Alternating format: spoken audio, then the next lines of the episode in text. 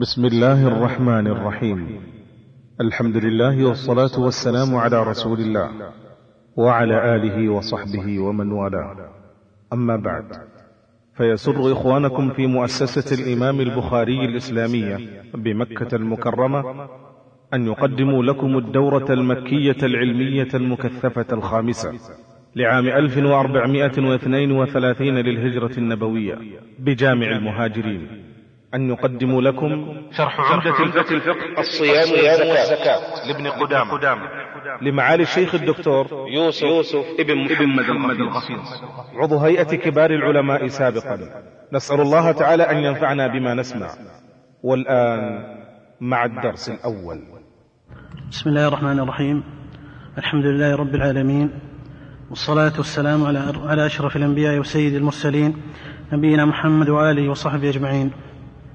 أما بعد فهذا المجلس الأول من مجالس شرح عمدة الفقه للإمام ابن قدامة وينعقد في الثامن والعشرين من الشهر السابع من سنة اثنتين وثلاثين وأربعمائة وألف في جامع المهاجرين بمكة المكرمة. شرح معالي الشيخ الدكتور يوسف بن محمد الغفيص عضو هيئة كبار العلماء سابقا. الحمد لله رب العالمين وصلى الله وسلم على عبده ورسوله نبينا محمد وآله وأصحابه أجمعين. هذا هو المجلس الأول من مجالس الشرح المختصر أو التعليق على هذا الكتاب الذي صنفه الإمام أبو محمد بن قدامة رحمه الله كمختصر في مسائل الفقه وسبق معنا في السنوات التي مضت البدء في هذا الكتاب وانتهينا إلى كتاب الزكاة في هذه الأيام إن شاء الله. يجري التعليق على مسائل المصنف في كتاب الزكاة والمسائل في كتاب الصيام. قال رحمه الله تعالى كتاب الزكاة. ومعلوم أن الزكاة أحد مباني الإسلام الخمس التي ذكرها النبي صلى الله عليه وسلم في حديث عبد الله بن عمر عن رسول الله صلى الله عليه وسلم. قال بني الإسلام على خمس شهادة أن لا إله إلا الله وأن محمد رسول الله وإقام الصلاة وإيتاء الزكاة وصوم رمضان والحج. ووجوبها وتشريعها مضى في الكتاب والسنة والإجماع فهي أحد فروض الإسلام وأحد مبانيه وأجمع العلماء على وجوبها وهي حق المال الواجب فإن المال فيه حق واجب وفيه باب مستحب وهو الصدقة وإن كان اسم الصدقة إذا أطلق دخلت فيه الزكاة الواجبة دخلت فيه الزكاة الواجبة كما قال الله تعالى إنما الصدقات للفقراء والمساكين. فهذا المقصود بالصدقات هنا الزكاة. المقصود بالصدقات هنا الزكاة الواجبة. فإذا اسم الصدقة يطلق ويراد به إخراج ما شرع من المال سواء كان على سبيل الوجوب أو الاستحباب. وتطلق الصدقة ويراد بها الواجبة كما في الآية إنما الصدقات للفقراء إلى آخره. وتطلق الصدقة ويراد بها الصدقة المستحبة ويراد بها الصدقة المستحبة. نعم. قال رحمه الله تعالى وسيجري التعليق إن شاء الله لأن الإخوة لهم رغبة في إنهاء كتاب الزكاة كاملا والصيام كاملا وعليه فيتعذر التفصيل في المسائل وسنكتفي بذكر أصول الخلاف وجمل الخلاف في المسائل المختلف فيها والتنبيه على جمل الأدلة في المسائل وما يظهر من الراجح في موارد الخلاف وما يظهر من الراجح في موارد الخلاف. وأما الاستفصال في المسائل والتطويل فيها فهذا يحتاج إلى مجالس مستقرة دائمة وليس كما بين يدينا من الوقت في مجالس مؤقتة بعدد من الأيام. نعم. قال المصنف رحمه الله تعالى كتاب الزكاة وهي واجبة على كل مسلم حر ملك نصابا ملكا تاما. ولا هذا وهي واجبة على كل مسلم وهذا بالإجماع. ونبدأ على كلمات المصنف ما كان منها إجماعا نذكره وما كان منها خلافيا نذكره. قال وهي واجبة على كل على كل مسلم وكونها على المسلمين هذا واجب هذا شرط مجمع عليه هذا مجمع عليه. ولا يتأثر هذا باختلاف العلماء والأصوليين في مسألة الكفار هل هم مخاطبون بفروع الشريعة أم لا؟ إنما المقصود هنا أن المسلم تجب عليه. أن المسلم تجب عليه. قال وهي واجبة على كل مسلم حر ويقابل الحر العبد وهذا باتفاق الأئمة لأن العبد لا يملك ولهذا لم يكن من أهل وجوب الزكاة. قال ملك نصابا وذلكم أن الزكاة وقتها الشارع بنصاب فجعل للنقدين والأثمان نصابا وجعل للخارج من الأرض نصابا وجعل لبهيمة الأنعام نصابا وهكذا. فلا بد أن تبلغ النصاب. نعم. ولا زكاة في مال حتى قال ملكا تاما ملكا تاما. فإذا كان ملكه ليس تاما فإنه لا يجب عليه الزكاة على مقتضى كمال الملك. حتى يتمحض له كمال الملك فيكون معتبرا بكمال ملكه. وأما إذا كان دون ذلك الملك ليس تاما فإنه بحسب ملكه. ويدخل في هذا زكاة المشاع وما إلى ذلك. نعم. قال ولا زكاة في مال حتى يحول عليه الحول. قال ولا زكاة في مال حتى يحول عليه الحول. اشتراط الحول مجمع عليه بين العلماء ومضت به سنة الصحابة رضي الله تعالى عنهم. فلا بد في الحول من الحول وإن كان الحول ليس شرطا في كل أحكام الزكاة. ولهذا استثنى المصنف قال إلا الخارج من الأرض. فإن الخارج من الأرض كما قال الله تعالى وآتوا حقه يوم حصاده. فتجب زكاة الخارج من الأرض بهذا التوقيت المذكور في الآية. ولم يعتبر الحول فيه. لم يعتبر الحول فيه. وإنما حقه يوم حصاده كما قال الله تعالى. قال ولا زكاة في مال كالذهب والفضة وبهيمة الأنعام. قال إلا الخارج حتى يحول عليه الحول إلا الخارج من الأرض بالإجماع. الخارج من الأرض بإجماع العلماء لا يدخل في هذا الشرط قال ونماء النصاب من النتاج والربح فإن حولهما حول أصلهما فإن حولهما حول أصلهما. والمقصود بهذا أن نماء النصاب كبهيمة الأنعام فإن نماءها في أثناء الحول داخل في الزكاة. نماء النصاب من النتاج والربح في التجارة. فمعلوم أن المال فيه زكاة فربحه في أثناء الحول معتبر بحوله. وكذلكم النتاج وهي ما يولد من بهيمة الأنعام فإن حولها تبع لحول الأصل. فإن حول النتاج تبع لحول الأصل وهذا متفق عليه بين الأئمة الأربعة. نعم.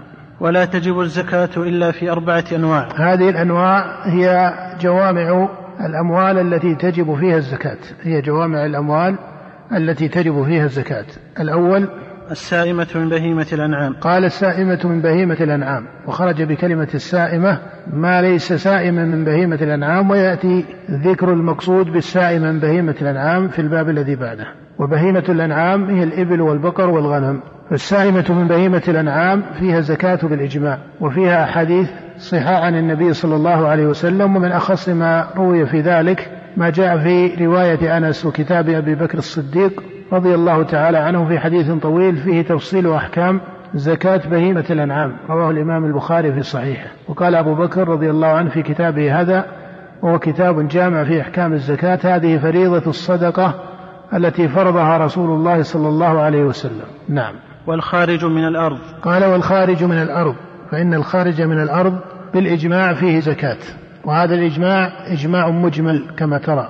فإن كلمة الخارج من الأرض فيها إجمال. ما المقصود بالخارج من الأرض. فهذا يختلف الفقهاء في بعض تفاصيله. يختلفون في تفاصيل بعض الخارج من الأرض. لكن من حيث الجملة الخارج من الأرض فيه الزكاة.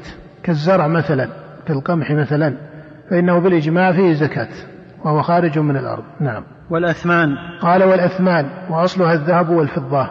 وأصل الأثمان الذهب والفضة. ففيها الزكاة إجماعا.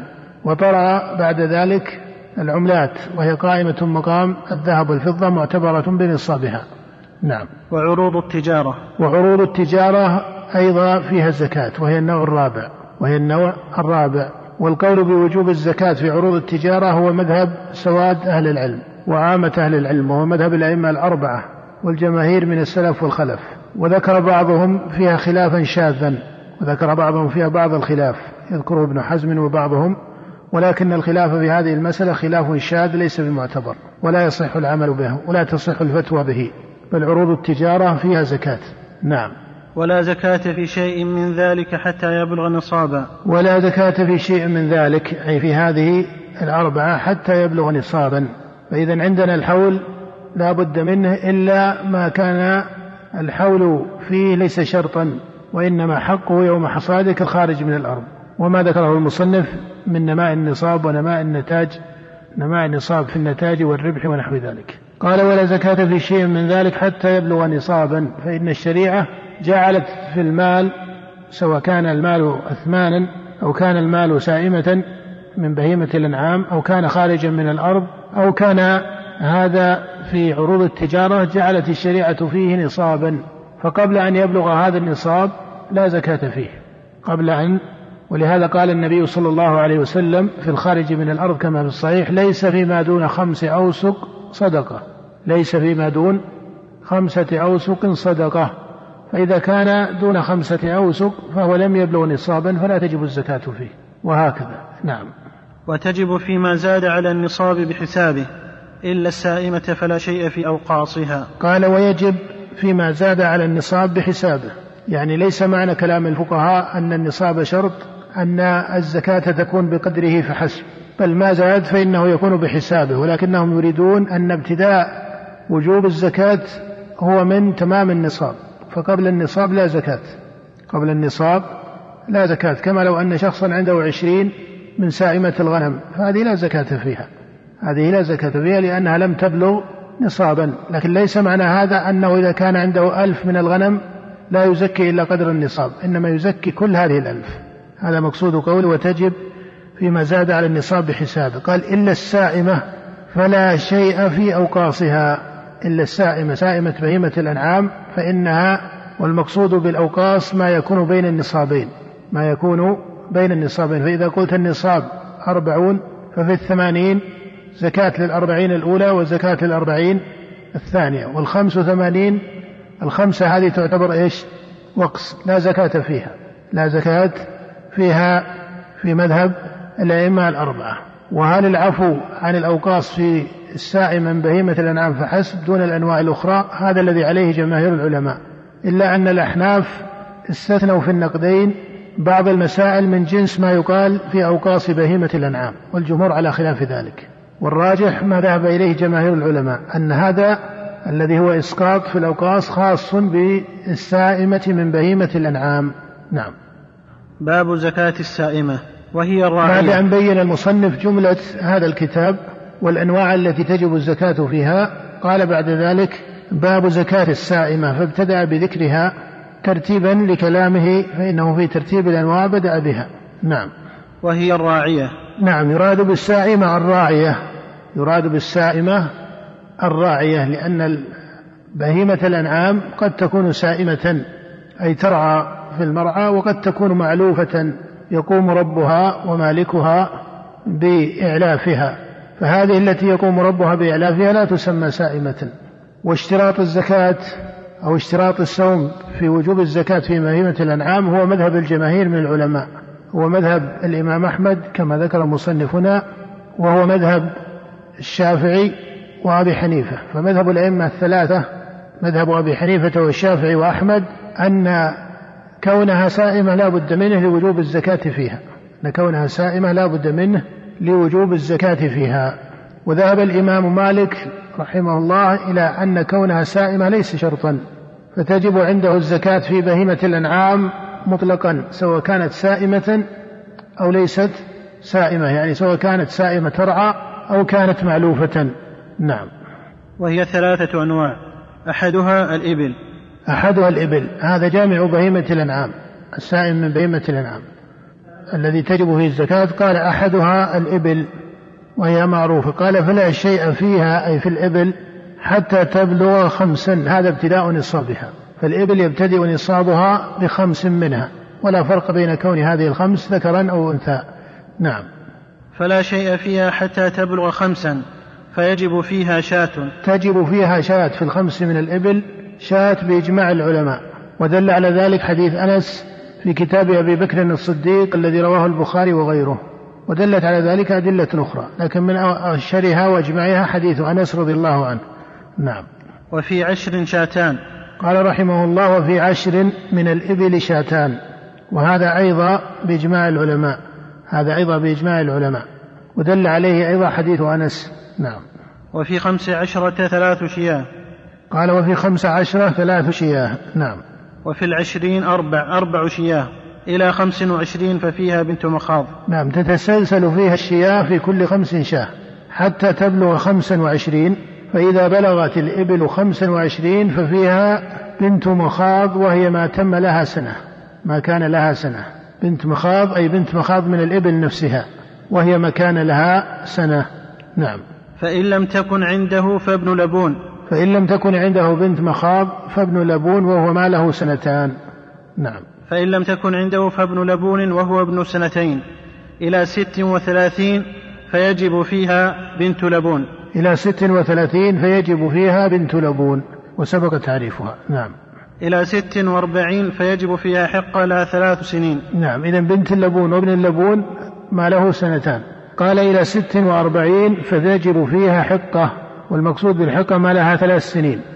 نعم. إلى إحدى وستين فيجب فيها جذعة ولها أربع سنين. إلى إحدى وستين فيجب فيها جذعة من الإبل ولها أربع سنين. وكل هذه الفروع التي يذكرها المصنف مجمع عليها بين الفقهاء وفيها حديث أنس مفصلا. نعم.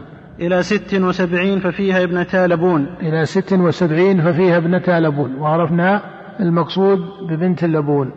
نعم. إلى إحدى وتسعين ففيها حقتان. إلى عشرين ومائة حتى تبلغ مائة وعشرين فنصابها من الزكاة حقتان. فنصابها من الزكاة حقتان. والحقة كما سلف هي ما لها ثلاث سنين. نعم.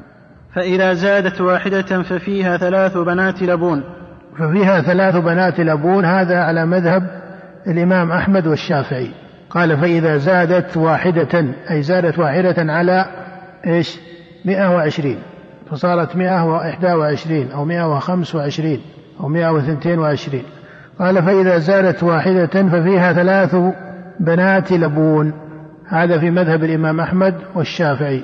وذهب الحنفية إلى أنه بعد المئة والعشرين يستأنف فيها النصاب. ومعنى كونها يستأنف فيها النصاب تكون في كل خمس إيش؟ شاة إلى أن تبلغ خمسا وعشرين. هذا معنى الاستئناف عند الحنفية. نعم. ثم في كل خمسين حقة وفي كل أربعين بنت, بنت لبون. يعني تستقر الفريضة بعد ذلك في كل خمسين حقة وفي كل أربعين بنت لبون. قال إلى؟ إلى مئتين فيجتمع فيها الفرضان. إلى أن تبلغ مئتين فإذا بلغت المئتين اجتمع الفرضان فإن شاء ربها أخرج أربع حقاق وإن شاء خمس بنات لبون. قال إلى مئتين. فإذا بلغت مئتين لأنه يقول في كل خمسين حقة أليس كذلك؟ وفي كل أربعين بنت لبون. فإذا بلغت مئتين فإن أخذتها بحساب الخمسين قلت فيها كم؟ أربع حقاق. وإن أخذتها بحساب الأربعين بنت لبون قلت فيها خمس. هذا معناه لأنك إذا قسمت المئتين على أربعة أو على خمسة جاءت هذه النسبة. فما دام أنه في كل خمسين حقة ففي المئتين كم؟ أربع. وإذا قلنا بنت لبون ففي المئتين خمس. خمس بنات لبون. وهذا معنى قوله رحمه الله فيجتمع الفرضان. يعني إن شاء هذا يجب هذا أو هذا فيخير بينها. قال إن شاء أخرج أربع حقاق وإن شاء خمس بنات لبون. الحقة أكبر في السن لأن لها ثلاث سنين وبنت اللبون لها سنتان. فهذا هو موجب الفرق في النصاب أيضا. وهذا الذي ذكره المصنف هو مذهب الجمهور من العلماء إلى أنه إذا بلغت مئتين خير بين أربع بنات لبون بين خمس بنات لبون وبين أربع حقاق. هذا مذهب مالك والشافعي وأحمد رحمهم الله. نعم. وهو المذهب الراجح وفي هذا مخالفة لطريقة الحنفية رحمهم الله. لكن الذي عليه مالك والشافعي وأحمد هو ما ذكره المصنف. نعم. ومن وجبت عليه مسنة فلم يجدها أخرج أدنى منها ومن وجبت عليه مسنة لعل صواب أو مراده هنا السن. ومن وجب عليه سن أي سن من الإبل كمن وجبت عليه حقة من وجبت عليه لأن الإبل هنا إخراجها معتبر بإيش؟ بالسن. فهذه لها سنتان وهذه لها ثلاث سنين وهذه لها سنة. فيقول رحمه الله ومن وجب عليه سن فلم يجده أو وجبت عليه مسنة يريد السن هنا لا يريد المسنة في الاصطلاح الخاص. المقصود ومن وجب عليه السن فلم يجده أخرج أدنى منها أدنى من هذه السن ومعها شاتان أو عشرون درهما. نعم. وإن شاء أخرج أعلى منها وأخذ شاتين أو عشرين درهما. أعد الجملة. قال ومن وجبت؟ ومن, عد ومن وجبت عليه مسنة فلم يجدها. أخرج أدنى منها ومعها شاتان أو عشرون درهما. نعم. هذا مذهب الشافعي وأحمد في الجبران أن من وجب عليه السن كبنت لبون فأخرج بنت مخاض لأنه لم يجدها. بنت المخاض لها سنة وبنت اللبون لها إيش؟ سنتان أليس كذلك؟ من وجب عليه سن فلم يجده وأخرج أدنى منه فإنه يجبر والجبران عند الشافعية والحنابلة يكون بهذه الطريقة وهي ما قاله المصنف ومعها هذا الجبران شاتان أو عشرون درهما وإن شاء أخرج أعلى منها وأخذ شاتين أو عشرين درهما هذا الجبران لحظه أو لحظ أرباب الزكاة. هذا الجبران لحظه أو لحظ أرباب الزكاة في مذهب الشافعي وأحمد. وعند المالكية أن الجبران يكون بالقيمة فإذا أخرج سنا دون السن الواجبة نظر في الفرق بين قيمة هذه التي أخرجها وبين قيمة ما وجب.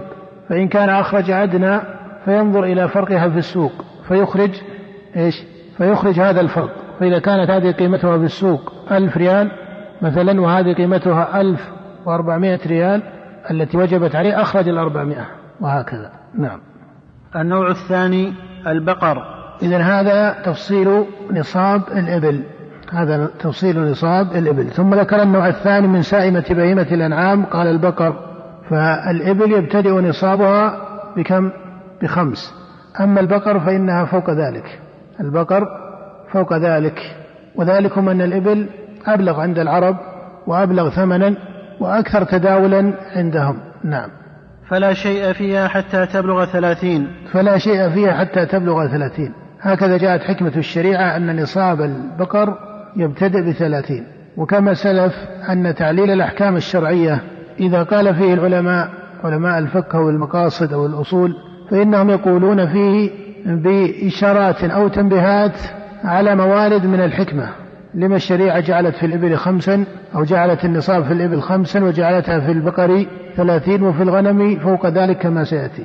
فما يذكر من التعليل أو الحكمة في تسبيب هذا الاختلاف إنما هو إشارات وتنبيهات إلى بعض مواردها وإلا فتمام الحكمة وكمالها الله سبحانه وتعالى يعلمه.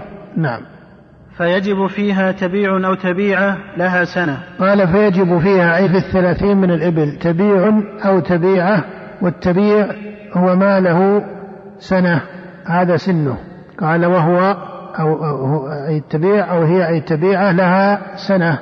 وكونها لها سنة هذا سنها عند جمهور العلماء لأن الفقهاء تبعا لبعض الاختلاف في اللغة يختلفون في السن ترى. يختلفون في السن فالتبيع والتبيعة عند جمهور العلماء ما له سنة.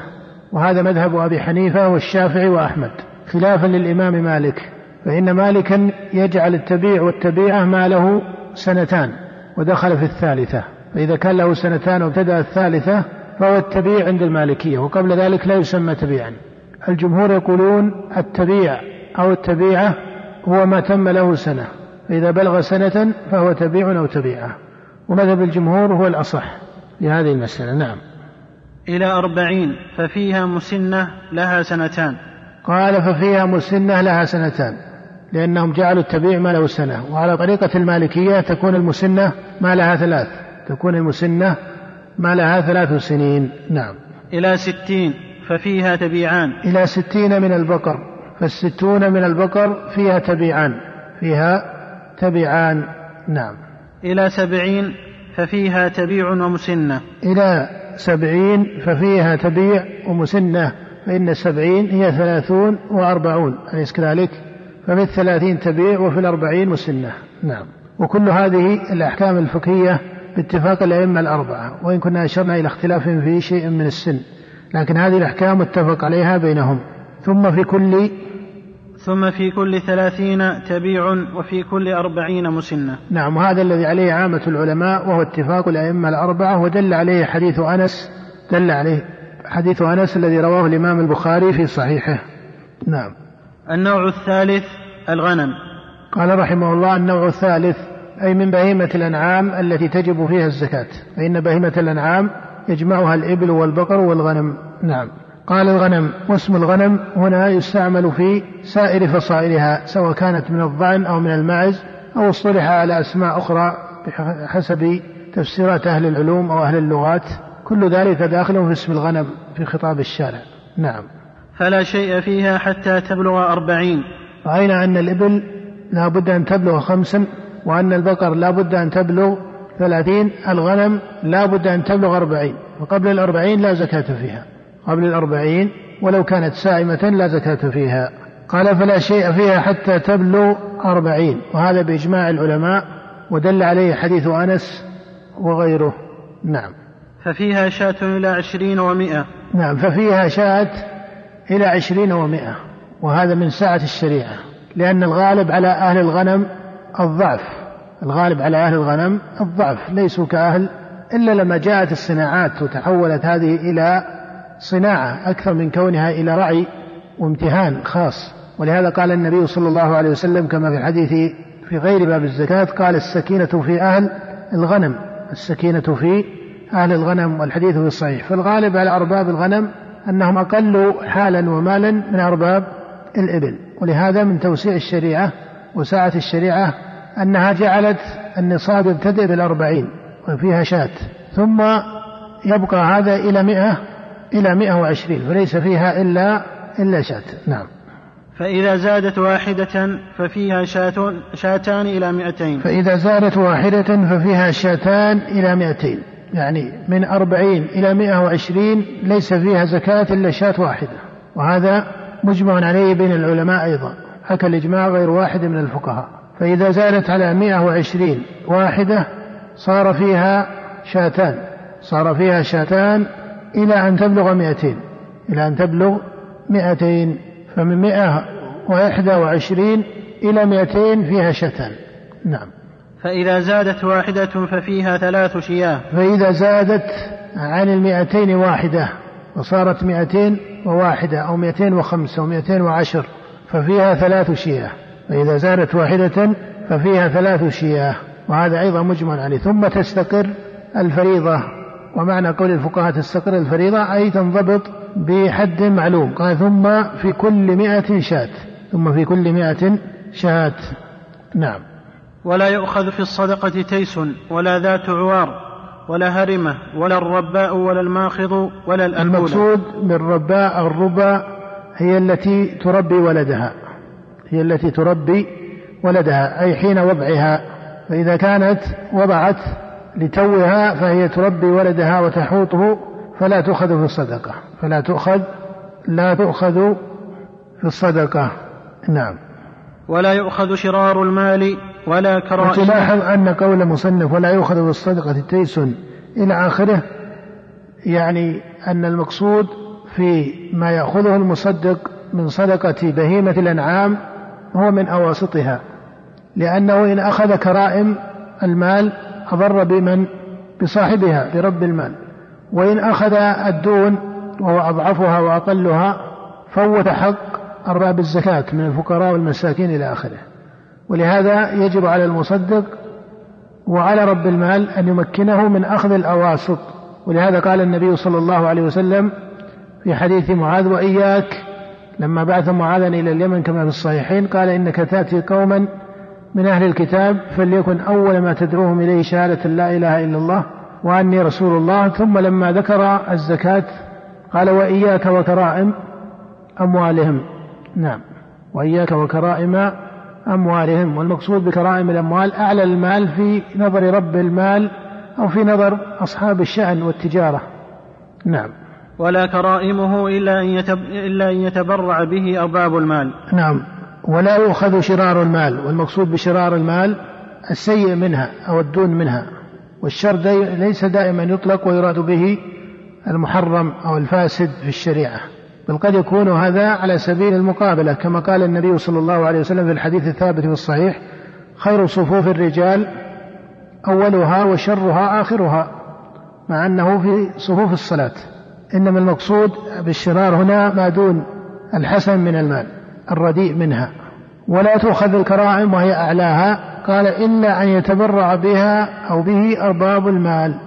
فإذا كان هو بدل ذلك فهذا من إحسانه. لكن لا يجوز أخذها منه إلا إذا هو تبرع بها. نعم. ولا يخرج إلا أنثى صحيحة.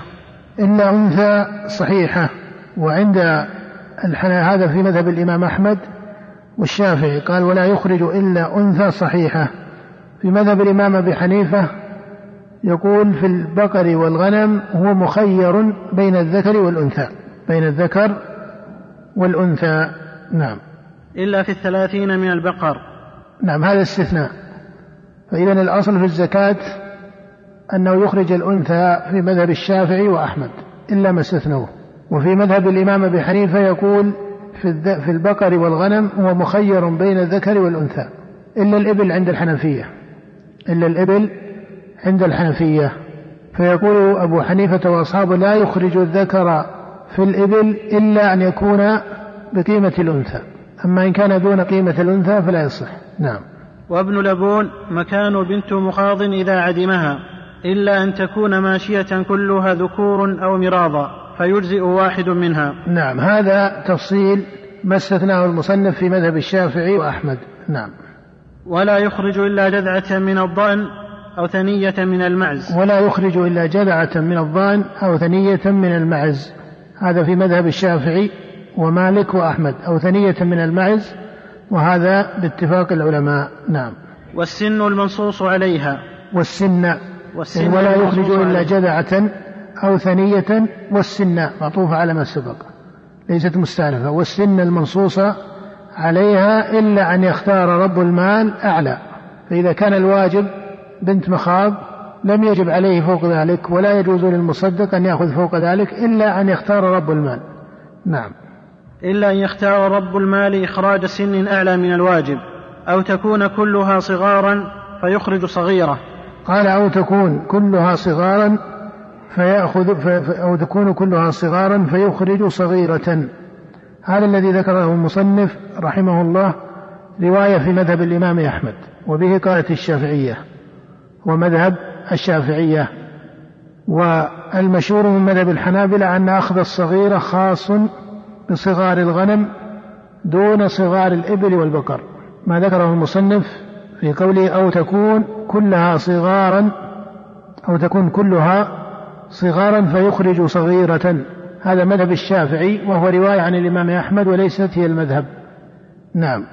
وإن كان فيها صحاح ومراض وذكور وإناث وصغار وكبار أخرج صحيحة كبيرة قيمتها على قدر المالين وإن كان فيها صحاح أي في الماشية ومراض وذكور وإناث وصغار وكبار أخرج صحيحة كبيرة قيمتها على قدر المالين وهنا تتحقق الزكاة بإخراج الكبيرة على هذه الصفة وهذا متفق عليه بين الأئمة الأربعة. نعم. فإن كان فيها بخاتي وعراب وبقر وجواميس ومعز وضأن وكرام ولئام وسمان ومهازيل أخذ من أحدهما بقدر المالين. بقدر المالين يعني ينظر نصيب في كمثال إذا كانت ضأن ومعز والأغلب منها من الضأن والأقل من المعز فيأخذ بقدر المالين. وهذا يعرف بالمحاصة والتنظيف والمحاسبة فينظر هذا كم يساوي القدر وهذا كم يساوي القدر ما كان منها من الضان ما كان منها من المعز وإن كان النصاب فيها واحد وإن كان النصاب فيها النصاب فيها واحد لأن الضان والمعز كلها داخل في اسم الغنم. نعم. وإن اختلط جماعة في نصاب من في نصاب من السائمة حولا كاملا وكان مرعاهم ومحلهم ومبيتهم ومحلبهم ومشربهم واحدا فحكم زكاتهم حكم زكاة الواحد. فحكم زكاتهم حكم زكاة الواحد. الخلطة المقصود بها ليس الملك. الخلطة عند الفقهاء ليس المقصود بها الملك لأنهم يملكون المال ملكا واحدا مشاعا بينهم. إنما هم مختلطون أي أن دوابهم مختلطة وتجمعها هذه الأوصاف التي ذكروها. قال وكان مرعاهم يجمعهم المرعى وإلا فما لزيد موسوم ومعروف ليس هو مال عمر فليس المقصود بالخلطة هنا الشراكة في المال كالشراكة المشاعة مثلا. لا هذه الدواب لزيد وهذه لعمر وهذه لبكر لكنها في مرعى واحد يجمعها مرعى واحد وفحل واحد ومبيت واحد ومحلبها ومشربها كذلك واحد. فإذا اجتمعت فيها هذه الأوصاف فهي المقصود بالخلطة في كلام الفقهاء. إذا ليس المقصود بالخلطة المال المشترك الذي فيه تملك مشترك بينهم. هل الخلطة مؤثرة في جمع النصاب؟ أو ليست مؤثرة؟ قال مصنف وإن اختلط جماعة في نصاب من السائمة حولا كاملا فحكم زكاتها حكم زكاة الواحد. فحكم زكاتها حكم زكاة الواحد. ابتداء في المسألة نقول هل الخلطة مؤثرة أو ليست مؤثرة؟ الجمهور من العلماء وهو مذهب الحنابلة كما ذكر المصنف والشافعية والحنفية أن الخلطة مؤثرة وعرفنا المقصود بالخلطة هي أن تجتمع الماشية في مرعى ومحلب ومشرب ونحو ذلك. من حيث الأصل الخلطة مؤثرة في اجتماع النصاب وليست مؤثرة الجمهور يقولون مؤثرة لما جاء في السنن وما جاء في حديث أبي بكر وغير ذلك. من الأدلة الدالة على أن الخلطة مؤثرة في نصاب الزكاة. هذا مذهب أبي حنيفة والشافعي وأحمد. وذهب الإمام مالك رحمه الله إلى أن الخلطة ليست مؤثرة بل لكل ماله. والمالكية نظروا إلى ماذا؟ المالكية نظروا إلى أن هذه ملك لزيد وهذه ملك لعمر إلى آخره. قالوا وكل يعرف ماله فليسوا شركاء في المال وإن كان يجمعهم المرعى الواحد والمشرب الواحد إلى آخره. قالوا في الأصل أن كل مال يختص بنصابه فإذا بلغ نصابا وجبت فيه الزكاة وإذا لم يبلغ نصابا إيش؟ فلا زكاة فيه. وعليه فالمالكية لا يرون أثر الخلطة في الزكاة. الجمهور من العلماء كما أسلفنا عفوا المذهب المسقط هم الأحناف ليس المالكية. ذكرنا الحنفية والمالكية. المسقط لأثر الخلطة لا الحنفية. إذا على مذهب الإمام أبي حنيفة رحمه الله وأصحابه ليس للخلطة أثر في الزكاة. على مذهب الجمهور وهو مذهب مالك والشافعي والإمام أحمد أن الخلطة مؤثرة هذا كجملة. بقي بعد ذلك سؤال ما هي الأوصاف التي إذا اجتمعت صارت الخلطة مؤثرة؟ هذا محل خلاف. إذا عندنا جملة أن الخلطة مؤثرة هذا مذهب الجمهور مذهب مالك والشافعي وأحمد خلافا للإمام خلافا لأبي حنيفة رحمه الله. اجتماع الجمهور على هذه المسألة هو من حيث الجملة وإلا بينهم خلاف. أين مورد الخلاف؟ مورده فيما يكون من الأوصاف مؤثرا في تحقق الخلطة المؤثرة. ما هي الأوصاف التي إذا اجتمعت صارت هذه خلطة في الزكاة مؤثرة في اجتماع النصاب؟ واضح؟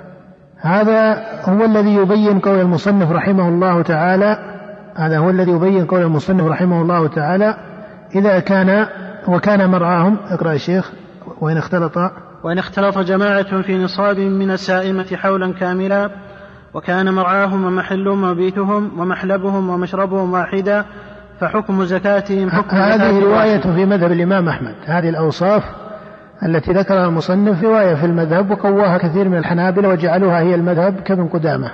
وبعض الحنابلة يذكرون الأوصاف التي هي أخص من ذلك. قالوا إذا اشتركت في مسرحها ومراحها ومرعاها وفحلها ومحلبها فيجعلون هذه هي الأوصاف الخمسة.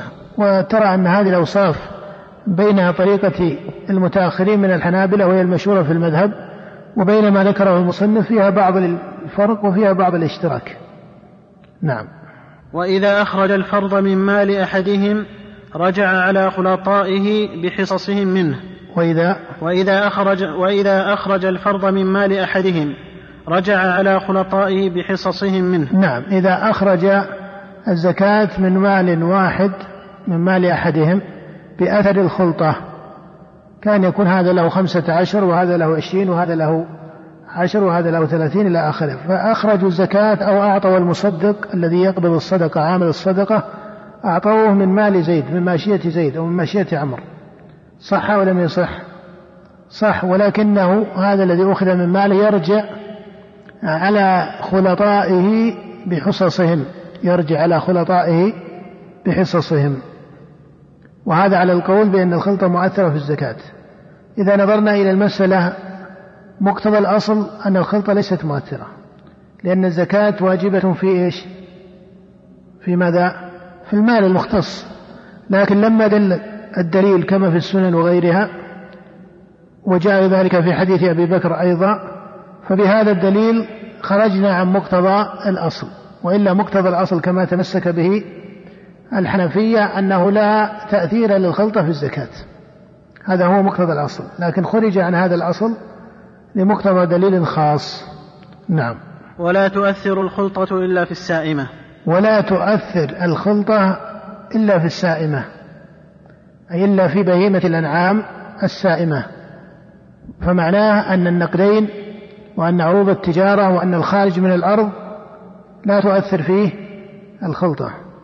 الخارج من الأرض مثلا لا تؤثر فيه الخلطة. هذا على مذهب جمهور العلماء. هذا على مذهب جماهير أهل العلم خلافا للإمام الشافعي. فإن الشافعية مذهبهم أوسع المذاهب في تأثير الخلطة في الزكاة. فيجعلونها في السائمة من بهيمة الأنعام ويجعلونها أيضا في ماذا؟ ويجعلونها في ماذا؟ ويجعلونها في الخارج من الأرض فإذا لو أردنا تفصيل المذاهب في تأثير الخلطة أوسع المذاهب في تأثير الخلطة مذهب الشافعية باعتبار أنهم لا يخصونها ببهيمة لا يخصونها بالسائم من بهيمة الأنعام بل يجعلونها في الخارج من الأرض وبعض فقهاء الشافعية يجعل لها أثرا في بعض الأنواع غير السائم من بهيمة الأنعام وغير الخارج من الأرض فلهم كلام في النقدين مثلا. هذا فيما يتعلق بأوسع المذاهب. أضيق هذه المذاهب في تأثير الخلطة مذهب الأحناف الذين يقولون الخلطة لا تؤثر لا في بهيمة الأنعام ولا في غيرها. بقي مذهب الحنابلة ومذهب المالكية. هل هما على درجة واحدة أم أحدهما أوسع من الآخر؟ مذهب المالكية أوسع باعتبار ماذا؟ أوسع في تأثير الخلطة باعتبار ماذا؟ لا باعتبار سبق. لا لا باعتبار سبق. لا المالكية مؤثرة. الأحناف هم الذين قالوا ليست مؤثرة. أحسنت.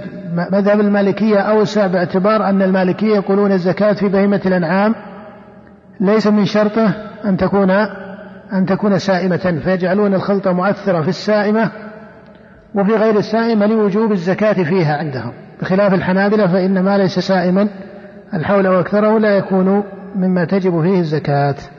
نعم. باب زكاة الخارج من الأرض. إذا هذا هو ما يتعلق بزكاة بهيمة الأنعام. ثم يقول رحمه الله باب زكاة الخارج من الأرض. نعم. وهو نوعان. أحدهما النبات. كما قلنا الخارج من الأرض كجملة بإجماع العلماء فيه زكاة. الخارج من الأرض كجملة بإجماع العلماء فيه زكاة. وإن كان الفقهاء قد اختلفوا في تعيين المقصود بالخارج من الأرض ففي بعض موارده اتفاق وفي بعض موارده اختلاف. نعم قال وهو نوعان. وهو نوعان أحدهما النبات فتجب قال وهو أي الخارج من الأرض نوعان أحدهما النبات. نعم. فتجب الزكاة منه في كل حب وثمر يكال ويدخر إذا خرج من أرضه وبلغ خمسة أوسق. لقول رسول الله صلى الله عليه وسلم قال أحدها أي أحد هذه الأنواع النبات. فتجب الزكاة منه في كل حب. شوف هذا حد الخارج من الأرض إذا كان نباتا. إذا كان نباتا أي ينبت. قال فتجب الزكاة منه في كل حب وثمر يكال ويدخر. إذا ضابطه ماذا؟ أن يكون النبات سواء كان حبا أو كالزرع أو ثمرا قال يجب إذا كان يكال ويدخر. فإذا كان ليس مكيلا فعلى مذهب الحنابلة إيش؟ لا تجب الزكاة فيه. فإذا لا بد أن يكين أن يكون مكيلا وأن يكون ماذا؟ مدخرا. هذان الوصفان المؤثران فيما تجب الزكاة فيه من الخارج من الأرض في مذهب الحنابلة وهذا من المفردات. هذا من المفردات. أي من مفردات الإمام أحمد عن الأئمة الثلاثة. فمذهبه رحمه الله يسمى من المفردات في اصطلاح الحنابلة. أي من مفردات أحمد عن الأئمة الثلاثة. وذهب الإمام الشافعي إلى أن الاعتبار هنا وكذلك هو مذهب المالكية إلى أن العبرة بكونه قوتا يدخر. فكل ما كان قوتا يدخر ففيه الزكاة إذا بلغ نصابا. ما الفرق بين مذهب الحنابلة ومذهب الشافعية والمالكية؟ الشافعية والمالكية جعلوا الوصف المؤثر هو كونه قوتا مدخرا فذكروا كلمة القوت يقتات. ومعنى القوت هو ما يأكله الناس عادة. فتقول مثلا القمح قوت لأنه يقتات عادة. والشعير قوت في سالف الأزمان كان يقتات عادة لكن بعض الفواكه ونحوها لا تسمى من القوت. فإذا المالكية والشافعية قالوا إذا كان قوتا يدخر فهذان هما الوصفان المؤثران عندهم. الحنابلة قالوا يكال ويدخر ولم يجعلوا كونه قوتا من الأوصاف المؤثرة في الوجوب. في مذهب الإمام أبي حنيفة يقول رحمه الله وأصحابه أن الزكاة تجب في الخارج من الأرض من النبات في كل نبات سواء كان حبا أو ثمرا يقصد منه استغلال الأرض واستنماؤها. الضابط عند علماء عند علماء الحنفية هو إذا كان هذا الخارج من حب أو ثمر يقصد عادة استغلال أو استنماء الأرض بزراعته وإنتاجه فإنه يكون مما تجب فيه الزكاة. أما إن كان ليس كذلك فلا يجعلون الزكاة تجب فيه. إذا صار عندنا ثلاثة أقوال في الخارج من الأرض. صار عندنا ثلاثة أقوال في الخارج من الأرض. القول الأول قول الحنابلة ما هو؟ أن يكون مكيلا مدخرا. قول المالكية والشافعية أن يكون قوتا يقتات ويدخر. قول الحنفية أن يكون ما ينبت من حب أو ثمر يقصد بإنتاجه وزراعته استنماء الأرض أي نماء الأرض واستغلالها بهذا الإنتاج. حتى ولو لم يكن قوتا وحتى لو لم يكن مكيلا وحتى لو لم يكن مدخرا. فهذا هو الوصف المؤثر عند علماء الحنفية. وعليه فترى أن بين المذاهب الثلاثة في هذه المسألة فرق في الوصف المؤثر فيما تجب فيه الزكاة. وهذا خلاف بين هذا خلاف بين لأن الأوصاف هنا مختلفة. الأوصاف هنا مختلفة وإن كانت قد تجتمع ترى إلا أنها تفترق في الكثير من الأحوال. نعم. لقول رسول الله صلى الله عليه وسلم وسبب هذا الاختلاف بين الفقهاء رحمهم الله هو أن النصوص في الخارج من الأرض من حيث ما يجب فيه فيها كثير من الإجمال. والشارع ذكر فيها المثال.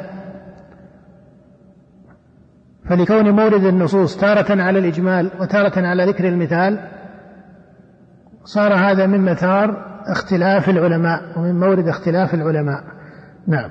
لقول رسول الله صلى الله عليه وسلم ليس في حب قال إذا خرج من أرضه وبلغ خمسة أوسق وبلغ خمسة أوسق هذا مذهب الجمهور من العلماء وهو مذهب الإمام أحمد ومالك والشافعي أن النصاب في الخارج من الأرض على اختلافهم في حد الخارج من الأرض لكن من حيث النصاب هو خمسة أوسق. هذا مذهب الإمام أحمد ومالك والشافعي. لحديث ليس في حب ولا ولا لقول النبي صلى الله عليه وسلم ليس في حب ولا ثمر ولا ثمر صدقة حتى يبلغ خمسة أوسق وهذا حديث متفق على صحته. يرويه الإمام البخاري ومسلم في صحيحيهما ويروي غيرهما من حديث أبي سعيد الخدري وفي الباب غيره. يعني وفي الباب غير حديث أبي سعيد. لكن حديث أبي سعيد هذا الذي ذكره المصنف حديث متفق عليه. فإذا الزكاة مقدرة بخمسة أوسق في مذهب الأئمة الثلاثة. مذهب مالك والشافعي وأحمد خلافا للإمام أبي حنيفة. فإن أبا حنيفة يقول ما قصد منه استنماء الأرض واستغلالها تجب الزكاة في قليله وكثيره. إذا أبو حنيفة يقول في النبات التي تجب فيه الزكاة ما قصد استنماء الأرض واستغلال الأرض قل أو كثر. فإذا كان الخارج قليلا أو كثيرا وجبت فيه الزكاة عند الإمام أبي حنيفة. إذا ولا يشترط فيه تمام نصاب معين. الجمهور يقولون خمسة أوسق وهو الصحيح. يعني مذهب الجمهور هو الأظهر. عملا بالحديث لقول النبي صلى الله عليه وسلم ليس فيما دون خمسة أوسق صدقة. هذا حديث بين الدلالة على المسألة. نعم. والوسق ستون صاعا. والوسق ستون صاعا. نعم. والصاع رطل بالدمشقي. وأوقية وخمسة أسباع أوقية. نعم. الصاع كما وصفه المصنف ولكنه وصف تاريخي. الدمشقي إلى آخره هذه أوصاف تاريخية يتعذر على الناس أن يرتبوا عليه حياتهم المستقبل. فوصفه بكونه صاع أظهر من مسألة الرطل الدمشقي إلى آخره. أليس كذلك؟ فإن الناس لا يزالون يعرفون الصاع والصاع هو أربعة أمداد. أربعة أمداد. هذا أضبط في الحد من أن نقول الرطل والدمشقي والبغدادي إلى آخره من أوصاف كثير منها قد نسي. لكن الوصف الباقي في الشريعة هو الصاع. والناس يعرفون الصاع. والصاع هو أربعة أمداد. والمد الواحد هو ملء الكفين المتوسطتين في الخلقة. يعني إذا إذا قام رجل مثلا بكفيه المتوسطة في الخلقة لأن بعض الناس قد تكون كفه صغيرة وبعض الناس قد تكون مفرطة. فالكف المتوسطة في الخلقة ملؤهما من البر مثلا هذا يسمى مد. ملؤهما من الذرة من الشعير من غير ذلك. فملء الكفين إذا بسط كفيه وضم بعضها إلى بعض وملأهما عادة فهذا الملء يسمى ماذا؟ يسمى لا يسمى مدا. فالصاع أربعة. الصاع أربعة أمداد. نعم. فجميع النصاب ما قارب ثلاثمائة واثنين وأربعين رطلا وستة أسباع رطل. ويجب العشر فيما سقي من السماء والسيوح. قال ويجب العشر فيما سقي من السماء والسيوح. يعني ما لا عمل للآدمي فيه. إذا كان الآدمي لا يسقيه. سواء سقي من المطر أو سقي من السيوح والسيوح لها دلالات بحسب البلدان والأقاليم. لها دلالات بحسب البلدان والأقاليم. فتارة يكون الماء قد توقف المطر. ليس مطرا لكنها ثلوج في الجبال مثلا فعلى فصول من السنة أو أشهر من السنة تذوب هذه الثلوج وتسقي الأرض التي تحتها. فهذا داخل في هذا لأنه لا عمل للآدمي فيه. لا يعني ليست ليس الآدمي يعمل فيه ليس ثانيا فيه. ولهذا قال النبي صلى الله عليه وسلم كما سيأتي فيما سقت الأنهار والغيم العشور وفيما سقي بالثانية نصف العشر. فإذا الخارج من الأرض نصابه خمسة أوسق على مذهب الجمهور خلافا لأبي حنيفة. كم تجب أو كم يجب فيه من الزكاة؟ ما النصاب الواجب؟ إخراجه نقول إن كان سقي من السماء والسيوح ففيه العشر. وإن كان يسقى بفعل الآدمي كالآبار الارتوازية مثلا ونحوها أو أنه عين ولكنه يسني عليها بالدواب ونحو ذلك ففيه نصف العشر. نعم. ونصف العشر فيما سقي بكلفة كالدوالي والنواضح. كالدوالي والنواضح وهي الدواب ونحوها أو كانت آلات لا يلزم أن تكون دواب حتى لو كانت آلة من صنع الآدمي ويقوم عليها وعليه مؤونة والصناعة لها فهذا داخل في ذلك. نعم. وإذا بدأ فإذا يجب العشر فيما سقي من السماء إجماعا ونصف العشر فيما يسقى بكلفة الآدمي من الدوالي والنواضح والمكائن والآبار التي يحفرها الناس ويجرون عليها الآلات وما إلى ذلك. فهذه فيها نصف العشر. إذا كانت الزراعة على هذه الصفة لم يجب في النصاب إلا نصف العشر. وهذا أيضا إجماع العلماء بحديث جابر في الصحيح فيما سقت الأنهار والغيم العشور وفيما سقي بالثانية نصف العشر. فإذا عندنا في الخارج من الأرض حديثان وهما أصل في هذا الباب. حديث أبي سعيد ليس فيما دون خمسة أوسق صدقة وليس فيما دون خمس ذود صدقة والمقصود بالذود الإبل. قال ليس فيما دون خمسة أوسق صدقة هذا في الخارج من الأرض. وعندنا حديث جابر فيما سقت الأنهار والغيم العشور أي العشر وفيما سقي بالثانية نصف العشر وعرفنا المقصود بالثانية أي بعمل الآدمي سواء كان بالدواب أو المكان أو غير ذلك. نعم. وإذا بدا الصلاح في الثمار واشتد الحب وجبت الزكاة. نعم. عرفنا أن الأصل هو الحول في الزكاة في أكثر الأنواع. إلا الخارج من الأرض فإن حوله هو يوم حصاده. قال الله تعالى وآتوا حقه يوم حصاده. ولهذا قال المصنف وإذا بدا الصلاح في الثمار واشتد الحب يعني إذا كان ثمرا إذا كان النبات ثمرا فوقته بدو الصلاح فيه. وإذا كان حبا هو اشتداد الحب. قال فإذا بدا الصلاح في الثمار واشتد الحب وجبت فيه الزكاة. وهذا متفق عليه بين عامة العلم ومذهب الأئمة الأربعة رحمهم الله. نعم. ولا يخرج الحب إلا مصفى ولا الثمر إلا يابسا يعني لا يخرج الحب إلا مصفى. لا يخرج الحب زكاة إلا مصفى ولا الثمر إلا يابسا يعني إذا جاوز مرحلة إيش؟ ميز من الشوائب وميز من الآفة. استقر. لأنه إذا كان مصفى وكان الثمر يابسا استقر وصار صالحا لنشره بين الفقراء والمساكين إلى آخر من أرباب الزكاة. وأما قبل ذلك فيكون ليس خالصا كالشوائب أو يكون لم يستقر فيكون عرضة للهلاك أو للتلف. ولهذا قال المصنف ولا يخرج الحب إلا مصفى ولا الثمر إلا يابسا. وهذا الاشتراط عند جمهور العلماء وليس إجماعا. لكنه مذهب مالك والشافعي وأحمد. لكنه مذهب الشافعي ومالك وأحمد. نعم. ولا زكاة فيما يكتسبه من مباح الحب والثمر. قال ولا زكاة فيما يكتسبه من مباح الحب والثمر. أي ما يكون مباحا كالأشجار المثمرة التي تنبت في كثير من الغابات مثلا أو في الصحاري فهو يكتسبها ويلتقطها. فإذا التقط هذا الزرع أو التقط هذا الحب الذي هو بري وهذا يوجد في بعض الأقاليم أو بعض ال... فهذا المباح ما يلتقطه منه لا زكاة فيه. ما يلتقطه منه لا زكاة فيه في مذهب جمهور العلماء لأنه لا يخرج بفعل الآدمي. بخلاف ما نبت على صناعة الآدمي فالآدمي هو الذي يسوسه ويؤسسه ويبذره وإن كان قد يسقيه وقد وقد تسقيه السماء. عرفنا؟ الآدمي حتى فيما يسمى بالبعل مثلا الآدمي هو الذي يبذر البذر وهو الذي يسوس الأرض ويحرث الأرض إلى آخره وإن كانت السماء هي التي تسقيه. فإذا سقته السماء ففيه العشر وإذا سقاه هو ففيه نصف العشر. لكن إذا كان هذا الخارج مباحا ومعنى كونه مباحا أي لا يخرج بأرض مملوكة لأحد هو يفعله وهو يبذره وإنما يخرج في الفلوات أو في الغابات فيلتقطه الناس لأنه مباح كلأ مباح مسموح به لكل أحد.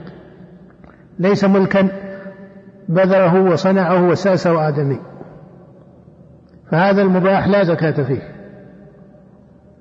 هذا المباح لا زكاة فيه. عند جماهير العلماء وهو مذهب مالك والشافعي وأحمد. وقال الإمام أبو حنيفة إن كان هذا المباح مما تستغل الأرض به عادة ففيه ففيه الزكاة.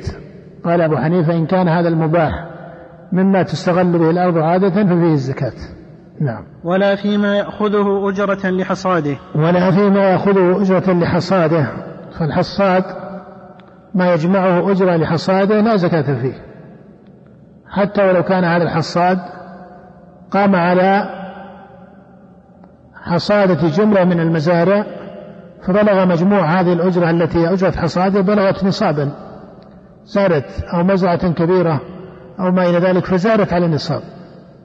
والآن إذا أخذ الحصاد من المزارع تبلغ النصاب زيادة. فأجرة الحصاد لا زكاة فيها حتى ولو اجتمع على الحصاد هذا أكثر من خمسة أوسق لأنه مال طارئ لم يقم عليه. والزكاة في الخارج من الأرض وما قام عليه الآدمي وإن لم يسقه نعم. ولا يضم صنف من الحب والثمر إلى غيره في تكميل النصاب. ولا يضم صنف من الحب والثمر إلى غيره في تكميل النصاب. وهذا باتفاق الأئمة الأربعة. وهذا حينما نقول باتفاق الأئمة الأربعة مع أنه لا يرد على مذهب الإمام أبي حنيفة من حيث الأصل لما لأن أبا حنيفة وأصحابه لا يشترطون النصاب لا يشترطون أن يكون النصاب خمسة أوسق بل يقولون تجب الزكاة في قليله وكثيره. نعم. إلا أن يكون صنفا واحدا مختلف مختلف الأنواع كالتمور ففيها إلا زكاة. إلا أعد. إلا أن يكون صنفا واحدا مختلف الأنواع كالتمور ففيها الزكاة. فرق بين الآحاد في الصنف الواحد وبين الأصناف المختلفة. وبين الأصناف المختلفة ولهذا قال رحمه الله إلا أن يكون صنفا واحدا. مختلف الأنواع. كالتمر مثلا. فإنه مهما اختلفت أسماءه. فقيل هذا تمر آه، من من بلد كذا وهذا تمر كذا سواء أضيف إلى البلد أو أضيف إلى الطعم أو أضيف إلى اسم من الأسماء. كل ذلك داخل في اسم إيش؟ التمر هذه بيضاء وهذه حمراء وهذه كذا وهذه كذا. كل هذا يسمى تمرا. فهو من حيث النصاب يجمع جمعا واحدا يجمع جمعا واحدا. لكن إذا كان صنف والآخر ليس إياه صنف مختلف. فهذا هو الذي أراد به المصنف بقوله لا يجمع هذا إلى هذا. أما الصنف الواحد تحته أمثلة أو قد يسمونها أنواعا فإن هذا كله صنف واحد وتجب الزكاة فيه كالتمور فإنها اسم واحد. مهما اختلفت مسمياتها أو مسمى واحد مهما اختلفت أسماؤها. نعم. أخرج من كل نوع زكاته. وإن أخرج جيدا عن الرديء جاز وله أجر كيف يقول المصنف إلا أن يكون صنفا واحدا ففيه الزكاة؟ ثم يقول أخرج من كل نوع زكاته. طيب ما دام أنه جعل صنف واحد كيف يقول من كل نوع زكاة؟ يعني بقدره. ليكون هناك توسط في حظ الفقراء وأرباب الزكاة وحظ رب المال. لأنه لما كان التمر منه العالي في السعر ومنه الأدنى فإذا جمع من أيها يخرج. نفس القاعدة التي قيلت في بهيمة الأنعام وإياك وكرائم أموالهم. هنا يؤخذ من المتوسط. إلا أن يتبرع رب المال فيخرج من أجود الأنواع. فإذا تبرع رب المال وأخرج من أجود الأنواع فهذا حسن. لكن من حيث ما يجب وما يقبضه المصدق بالإيجاب على رب المال هو من أوسطه. نعم. النوع الثاني المعدن. فمن استخرج النوع الثاني مما زكاة الخارج من الأرض. من زكاة الخارج من الأرض. المعدن. نعم. فمن استخرج من معدن النصاب إذن الأصل في الخارج من الأرض الذي أجمع العلماء عليه هو الأول وهو النبات. وإن كانوا اختلفوا في مسائل من اختلفوا ما هو النبات التي تجب فيه الزكاة؟ واختلفوا في نصابه واختلفوا في مسألة ما يضم منه وما لا يضم. نعم. فمن استخرج من معدن نصابا من الذهب أو الفضة أو ما قيمته نصابا من الجواهر أو الكحل أو الصفر أو الحديد أو غيره فعليه الزكاة.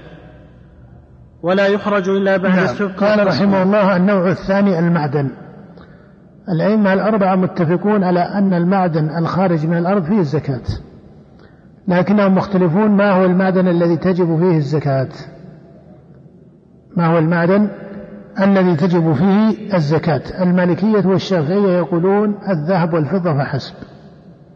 قالوا لأنها أصل الأثمان فإذا كان الخارج ذهبا أو فضة ففيه الزكاة. قالوا أما إذا كان الخارج من الأرض معدنا ليس من الذهب ولا فضة ولا من الفضة فلا زكاة فيه. إذا انقصره المالكية والشافعية على إيش؟ الذهب والفضة. وقصره الحنابلة وهو مذهبهم أوسع من مذهب الشافعية والمالكية على ما ذكر المصنف. قال فمن استخرج من فمن استخرج من معدن نصابا من الذهب أو الفضة أو ما قيمة ذلك من الجواهر أو الكحل أو الصفر أو الحديد أو غيره ففيه الزكاة. وقالت الحنفية المعدن هو ما يصدق عليه هذا الاسم مما ينطبع بالنار. وإن كان حد الحنفية هنا يحتاج إلى مزيد من التفصيل. لكن هذه جملة المذاهب. هذه جملة المذاهب في هذه المسألة. نعم. ولا يخرج إلا بعد السبك والتصفية. يعني الزكاة لا تجب إلا في الصافي منه. فبعد تصفيته يتبين ما تجب فيه الزكاة. بعد التصفية يتبين ما تجب فيه الزكاة. نعم. ولا شيء في اللؤلؤ في اللؤلؤ والمرجان والعنبر والمسك. إذا قال ولا يخرج إلا بعد السبك والتصفية. هذا على مذهب الجمهور على مذهب مالك والشافعي وأحمد. وإنما قالوا ذلك لأنه لا بد فيه من النصاب. لا بد فيه من النصاب. وعلى مذهب الحنفية فلا يشترطون فيه نصابا. فالمعدن الواجب عندهم أو ما تجب فيه الزكاة عندهم من المعادن تجب في قليله وكثيره. ولا ولا شيء في اللؤلؤ والمرجان والعنبر والمسك. هذه باتفاق الأئمة الأربعة. أن اللؤلؤ والمرجان والعنبر والمسك المخ... الذي التي تستخرج من البحر وكذلك صيد البر وصيد البحر فهذه كلها لا زكاة فيها. نعم. وفي الركاز الخمس أي نوع كان من المال قل أو كثر لأهل الفيء وباقيه لواجده؟ الركاز ما وجد من دفن الجاهلية. الركاز على الصحيح ما وجد من دفن الجاهلية من الأثمان وغيرها. هذا يسمى الركاز. وخرج بدفن الجاهلية دفن الإسلام. فإنه إذا كان من دفن أهل الإسلام فهو إيش؟ فهو لقطة. إذا كان من دفن المسلمين فإنه يسمى إيش؟ لقطة. فالركاز ما وجد من دفن الجاهلية. وخصه الإمام الشافعي بالذهب والفضة. أن الركاز هو ما وجد من دفن إذا كان ذهبا أو فضة. نعم. باب زكاة الأثمان. في الركاز. وفي الركاز الخمس. أي نوع نعم وفي الركاز الخمس لما جاء في الصحيح عن النبي صلى الله عليه وسلم. قال أي نوع كان من المال؟ يعني أن الركاز ليس خاصا بالذهب والفضة كما قال الإمام الشافعي وأصحابه بل هو في سائر الأموال وهذا مذهب الأئمة الثلاثة مذهب أبي حنيفة ومالك وأحمد. قل أو كثر أي لا يشترط فيه النصاب خلافا للشافعي فإن الشافعي لما جعله الذهب والفضة اشترط فيه نصاب اشترط فيه النصاب المعروف في الذهب والفضة. لكن الجمهور لما جعلوه عاما في الذهب والفضة وغيرها لم يشترطوا فيه نصابا بل قالوا في الركاز الخمس مطلقا. نعم. قال لأهل الفيء عند الأئمة الثلاثة. قال لأهل الفيء هذا في مذهب أبي حنيفة ومالك وأحمد. فحكمه حكم الغنيمة. وفي مذهب الإمام الشافعي أن مصرفه مصرف الزكاة. أن مصرفه مصرف الزكاة. قال وباقيه أي باقي الركاز لواجده. أي من وجده وحفره وهذا مذهب الأئمة الأربعة وعامة أهل العلم عليه. ثم يقول المصنف بعد ذلك باب باب زكاة الأثمان. وهي نوعان ذهب وفضة. ولا شيء فيها حتى تبلغ مئتي درهم. فيجب فيها خمسة دراهم. نعم أكمل هذا حتى ننتهي منها. قال باب زكاة. باب زكاة الأثمان. نعم باب زكاة الأثمان. والأصل في الأثمان الذهب والفضة. الأصل في الأثمان أي ما يكون ثمنا يعاوض به. فأنت إذا أردت أن تشتري هذا المتاع أو هذه السلعة فإنك تعاوض عليها بالثمن. أليس كذلك؟ الأصل في الأثمان الذهب والفضة. ثم جرى عمل الناس بعد ذلك على غير ذلك باستعمال العملات التي هي مبنية على الذهب والفضة في الأصل. نعم. ولا شيء فيها حتى قال وهي نوعان أي الأثمان ذهب وفضة. هذا الأصل. وإن كان صحيح أنه لا يختص بالذهب والفضة فحسب ولهذا قال الإمام مالك وهذا من فقهه رحمه الله لو أن السلطان سك الجلود لأجريت فيها الربا. يعني أن هذه العملات التي يتداولها الناس الآن كالريال والدينار والدولار وغيرها لا شك أن الزكاة تجب فيها وتجري فيها أحكام الربا وأحكام الصرف وما إلى ذلك من الأحكام. نعم ولا ولا يخالف في ذلك فقيه في ترتيب هذه الأحكام. لأنها لا أصبح الناس لا يوجد بلد الآن يتعامل أفراد الناس بشكل مشاع وبشكل متداول في أسواقهم ومعاملاتهم يقلبون الدينار بالذهب أو الدرهم بالفضة. إنما أصبحت هذه العملات وإن كانت آه، هذه العملات في الأصل أو في كثير من الأحوال يكونون مغطاة بالذهب وما إلى ذلك مع أنه الوضع الاقتصادي العالمي يتغير عن هذه النظرية إلى نظريات أوسع من مسألة غطاء الذهب وغطاء الفضة. نعم. ولا شيء فيها حتى تبلغ مئتي درهم. نعم هذا بالإجماع هو نصاب الفضة. فتجب فيها فيجب فيها خمسة دراهم. فيجب في مئتين وهي نصاب الفضة يجب فيه خمسة دراهم نصف العشر. نعم. ولا شيء في الذهب حتى يبلغ عشرين مثقالا فيجب فيها نصف مثقال. فإذا قال وهي نوعان ذهب وفضة ولا شيء فيها حتى تبلغ مئة درهم. هذا بالإجماع كما قلنا. قال فيجب فيها خمسة دراهم. هذا نصاب الفضة والنصاب في الذهب والفضة هو ربع العشر هو ربع العشر نعم. ولا شيء في ولا الذهب؟ شيء في الذهب حتى يبلغ عشرين مثقالا فيجب فيها نصف مثقال. فيجب فيه نصف مثقال وهذا متفق عليه أيضا بين الأئمة. فإن كان فيها؟ فإن كان فيهما غش فلا زكاة فيهما حتى يبلغ قدر الذهب والفضة نصابا. فإن كان فيهما غش فلا زكاة فيهما حتى يبلغ قدر الذهب والفضة نصابا يبلغ السليم الصافي قدر الذهب والفضة نصابا. وهذا على مذهب الإمام أحمد. والشافعي. وعلى مذهب الإمام أبي حنيفة أن الغش لا يؤثر ما دام أنه يسير. فيقول أبو حنيفة وأصحابه العبرة بالغالب. العبرة بالغالب. نعم.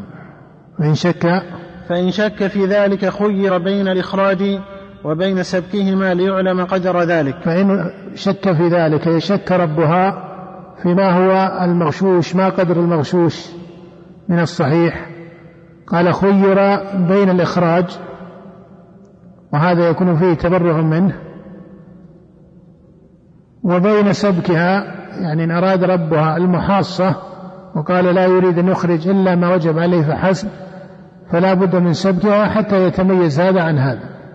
وهذا على مذهب الشافعي وأحمد وإلا على مذهب أبي حنيفة إذا قلنا العبرة بالغالب فإن كان الغالب صحاحا لم يلتفت إلى هذا اليسير من المغشوش فإذا الأصل في الزكاة في الأثمان هو الذهب والفضة وفيها ربع العشر وفيها ربع العشر. ولهذا ترى أن الشريعة فرقت في أحكام الزكاة. فهذا الذي سقط السماء من الخارج من الأرض فيه العشر وما سقي بالثانية فيه نصف العشر. وفي الأثمان لأنها هي محرك الناس تجد أن الزكاة فيها إيش؟ أقل. جاءت الزكاة فيها أقل. ففي الألف ريال مثلا كم؟ خمسة وعشرين ريال. هذا ربع العشر. نعم. ولا زكاة في الحلي المباح المعد المعد للاستعمال والعارية. ولا زكاة في الحلي أي في الذهب أو الفضة. المباح أي المباح الاستعمال. المقصود بالمباح أي مباح استعماله كالذهب والفضة للمرأة فإنها تستعمله في لبسها ونحو ذلك. وما يباح استعماله للرجل من الفضة. قال ولا زكاة في الحلي المباح الاستعمال.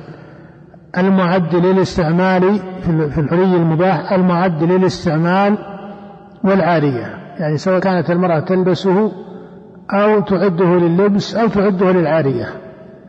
وليس المقصود بكونها تلبسه أو تستعمله أنه لا بد أن يكون بيديها ونحرها ونحو ذلك لا.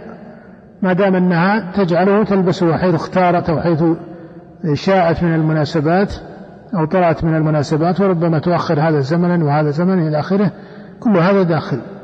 يعني بالمقابل ليس ذهبا للتجارة وليس يقصد به المرابحة والتجارة أو الاسترباح والتجارة إنما هو ذهب لحاجة المرأة ولبسها تلبسه وتتزين به إلى آخره. وهذا معروف بدهي. قال ولا زكاة في الحلي المباح المعد للاستعمال والعارية أي تعيره لغيرها من النساء. وهذا هو مذهب الجمهور من العلماء أن حلي النساء المعد للاستعمال لا زكاة فيه. هذا مذهب الجمهور من العلماء وهو مذهب الإمام مالك والشافعي والإمام أحمد. خلافا للإمام أبي حنيفة. فإن أبا حنيفة يذهب إلى وجوب الزكاة فيه قال لأنه ذهب أو فضة والأصل في الذهب والفضة كما في قول الله تعالى والذين يكنزون الذهب والفضة ولا ينفقونها في سبيل الله فيقولون الأصل في الذهب والفضة وجوب الزكاة وهذا صحيح أن الأصل وجوب الزكاة. لكن دل الدليل على تفسير هذا المجمل في أمر الذهب والفضة أو تقول على تخصيص هذا العام. فما كان من النصوص مجملا أو عاما فهذا يقال فصله أو خصصه.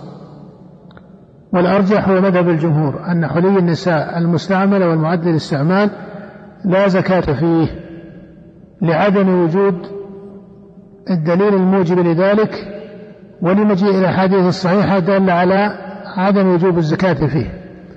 كما جاء في الصحيح عن النبي صلى الله عليه وسلم قال ليس على المسلم في عبده ولا في فرسه صدقة. وهذا يشير إلى معنى في الشريعة وهو معنى كلي من حيث الأحكام وهو أن المال الذي هو قنية للإنسان واستعمال للإنسان لا زكاة فيه فإن محل الزكاة هو المال النامي أو ما هو نامي كما يقال في المنطق ما كان ناميا بالقوة أو ناميا بالفعل يقبل النماء وأما هذا الذي للاستعمال فكما قال الشارع عليه الصلاة والسلام ليس على المسلم في عبده ولا في فرسه صدقة. وهذا لا يختص بالعبد والفرس بل كل ما كان كذلك فإنه لا زكاة فيه ليس فيه صدقة واجبة. وتعلم أن الإنسان إذا بنى هذه العمارة بقصد التجارة ففيها الزكاة أليس كذلك؟ ولكن إذا كانت هذه العمارة يسكنها. أو كانت العمارة التي يسكنها أعلى ثمنا من العمارة التي يعدها للتجارة. فهذه على غلاء قيمتها لا زكاة فيها. فبيت الإنسان مثلا الذي يسكنه وسيارته وملابسه وما إلى ذلك مهما بلغ ثمنها فإنها إيش؟ لا زكاة فيها. مع أنها لو خرجت عن سكناه إلى التجارة لوجبت فيها الزكاة. فكذلكم الذهب. هو في الأصل فيه الزكاة لا شك. لكن لما كانت المرأة هذا لا تقصد به التجارة هذا تستعمله. فإن قيل فإن النساء إذا احتجنه يبعنه. قيل هذا من حقهن كما أن الإنسان لو اضطر باع بيته ولو احتاج باع سيارته. أليس كذلك؟ وليس معنى أنه يسكن ذلك ويستعمل هذه السيارة أنه لا يبيعها بحال. فكذلك أم المرأة إذا عرض لها عارض من الزمان فباعت من ذهبها لقضاء حاجة أو نحو ذلك فهذا لا يجعله هذا معدا للتجارة. فإذا هذا الذي تلبسه النساء هو على حديث ليس على المسلم في عبده ولا في فرسه صدقة. وجاء خمسة من الصحابة كما قال الإمام أحمد رحمه الله خمسة من الصحابة يفتون بعدم وجوب الزكاة في حلي النساء. لما سئل الإمام أحمد عنه عن زكاة حلي النساء وأنه لا يراه يعني لا يرى الوجوب. قال هو عن خمسة عدم الوجوب عن خمسة من الصحابة منهم عائشة ومنهم أسماء بنت أبي بكر وجملة من الصحابة. وأما حديث المرأة اليمانية التي روي في السنن وغيرها وفيه أن امرأة يمانية أتت النبي صلى الله عليه وسلم وفي يد ابنتها مسكتان من ذهب فقال أتودين زكاة هذا؟ قالت لا. قال أيسرك أن يصورك الله بهما سورين من نار؟ فقالت هما لله ورسوله وألقتهما إلى النبي صلى الله عليه وسلم. فهذا حديث لا يصح. هذا حديث مطرب السند ولا يثبت عن النبي صلى الله عليه وسلم. حديث ضعيف. وقد ذكر كثير من المحققين من أهل الحديث إعلاله من جملة أوجه. وفي الجملة في الجماهير من الأئمة من أهل الفقه والحديث على خلافه. وذكرنا هنا أن مالكا وأحمد والشافعي يذهبون إلى عدم وجوب الزكاة في حلي النساء. ونبه هنا إلى مسألة وهي أن المرأة التي تملك هذا الذهب إذا لم تزكي والمسألة الخلاف فيها ليس شاذا. مذهب أبي حنيفة مذهب مشهور به بعض أهل العلم من المعاصرين. وبعض الكبار من أهل العلم من المعاصرين لكن المقصود أن مذهب الجمهور أظهر فيما يظهر عند النظر والبحث. لكن ينبه هنا إلى مسألة إلى أن المرأة إن سألت عالما أو أرادت أن تحتاط أو أن تقلد عالما فتؤدي الزكاة لا يمنعها زوجها. وبالمقابل وهذا أهم هذا أهم الثاني التنبيه الثاني أهم. وبالمقابل إذا كانت المرأة استفتت عالما أو سمعت عالما أو تعرف مذهبا فقهيا أو درسته فأرادت العمل به أو التقليد له. وزوجها استفتى عالما آخر أو سمع رأيا. لا يجوز لزوجها أن يجبرها على دفع الزكاة منه. لأن بعض الرجال يجب على زوجته أن تزكي ذهبها فتقول له إنها سألت عالما فقال لا تجب فيه الزكاة. أو تقول له إنها داست هذا المذهب وهي عليك يعني تعرفون المذاهب الفقهية شائعة في الأمصار الإسلامية. فهل هذا المصر حنابلة وهذا المصر مالكية وهذا المصر حنفية وهذا المصر شافعية؟ فقد يكون علماء البلد أو أن المذهب في هذا البلد أو استفتت عالما بأي صورة يوثق بعلمه. فصارت إلى أنه لا زكاة فيه. لا يجوز لزوجها أن يقول لا القول الصحيح أن في زكاة يجب عليك تزكين هذا لا يفعله من الأزواج إلا من كان عاميا. أو هو على رتبة العوام لا يعرف معنى الخلاف ومعنى أقوال أهل العلم. فالقصد أن المرأة إذا صارت إلى هذا فإنها تفعل ما تطمئن إليه نفسها. ونبه أيضا بالمقابل إلى الفتوى في هذه المسألة وهو أن بعض طلاب العلم إذا استفتوا في هذه المسألة قال للمرأة إذا سألته عندها ذهب هل تزكيها ما تزكي في الغالب أن السائلة إذا كانت عامية ما تفرق بين مدارك الخلاف ومدارك الإجماع. فالبعض يقول لها يجب عليك الزكاة أحوط. احتياطا يجب عليك الزكاة احتياطا. ما دام أنه ليس على درجة من العلم الفتوى والتحقيق في المسألة على وجه علمي صحيح لا ينبغي له أن يفتي الناس بما هو الأضيق في أموالهم بما هو الأضيق في أموالهم تحريا لمسألة براءة الذمة تحريا لمسألة براءة الذمة مع أن السائل لا يفقه هذا المعنى. ما معنى لا يفقه هذا المعنى؟ يعني لا يفقه أن المجيب أجابه بالأحوط يفهم أنه يجيب بما يجب عليه ديانة وشرع. المجيب إن كان لم تتبين له المسألة لا يفتي فيها. وإن كانت المسألة تبينت له أفتاه بما تبين أو ذكر له الخلاف وسمى له خلاف العلماء. ولا بأس البعض يقول أحيانا أن العوام لا ينبغي أن يعرفوا الخلاف هذا غير صحيح. تارة يكون من الحكمة والسعة أن يعرفوا بعض الخلاف لئلا تختلط عليهم المسائل المجمع عليها بالمسائل المختلف فيها. فهذه مسألة على كل حال لا يفتى فيها بالأحوط إلا إذا سأل السائل عن الأحوط. لأنك تضيق عليه في ماله. ولهذا تضطر بعض النساء حينما لا يكون بيدها نقد يعني لتخرج الزكاة. فتذهب إلى باعة الذهب فتقول لهم هذا بكم؟ قد تكون اشتريت هذا بثلاثين ألف. فيقولون هذا بخمسة عشر ألف. فتضطر تبيع يعني تكسر الذهب لتخرج من هذه الخمسة عشر ألف بضع مئات تسدد به إيش؟ به قيمة الذهب إذا جمعت ذهبها وصار زكاة ذهب المرأة مثلا ألف ريال. ما عندها ألف ريال تزكي. قد يكون زوجها أو وليها لا يتيسر عنده أو لا يوافقها أو غير ذلك في العطاء. فتأخذ شيئا منه لتبيع فتبيع بنصف القيمة. وهكذا سنة وراء سنة إلا قد أهلكت ما عندها هذا على كل حال إن كانت تريد به الزكاة وأفتيت بالزكاة واقتنعت بذلك هذا ما يجب عليها. ما في خطأ. لكن الذي نقصده أنه لا ينبغي أن تضطر المرأة إلى هذا الرأي إلا وهي تفهم لماذا قيل لها ذلك. أما المجيب يقول نعم يا أختي في زكاة. إذا قلت له طيب هل هذا الزكاة واجبة عليها؟ قال يعني المسألة مشكلة لكن هذا أحوط لهم. لا أحوط لهم أن يعرفوا ما أوجب الله عليهم وإلا الأصل براءة الذمة. نعم. ويباح للنساء كلما جرت, جرت العادة بلبسه من الذهب والفضة. يعني ما جرت العادة بلبسه خرج مكان إسرافا فالمرأة يجوز لها أن تلبس ما شاءت من الذهب والفضة ما دام العادة والعوائد كما تعرفون تختلف من وقت إلى وقت ومن مكان إلى مكان. العادة تؤثر فيها الزمان أو يؤثر فيها الزمان والمكان ويؤثر فيها أمر آخر وهي طبقات الناس. غنى الناس وفقر الناس وحاجة الناس ومسغبة الناس أمور متعددة تؤثر. يعني ما لم يكن إسرافا خارجا عن العادة. هذا بالنسبة للمرأة. قال وللرجال ويباح ويباح للرجال من الفضة الخاتم وحلية سيد يباح من للرجال من الفضة الخاتم. فالراجح في الخاتم أنها جائزة. الخاتم جائز. يجوز الرجل أن يلبس خاتم الفضة لكنه ليس سنة ليس من السنن. والنبي عليه الصلاة والسلام مضى أكثر عمره ما لبس الخاتم. مضى أكثر عمره عليه الصلاة والسلام ما لبس الخاتم. وإنما لبس الخاتم في آخر عمره عليه الصلاة والسلام لما وضع له خاتم.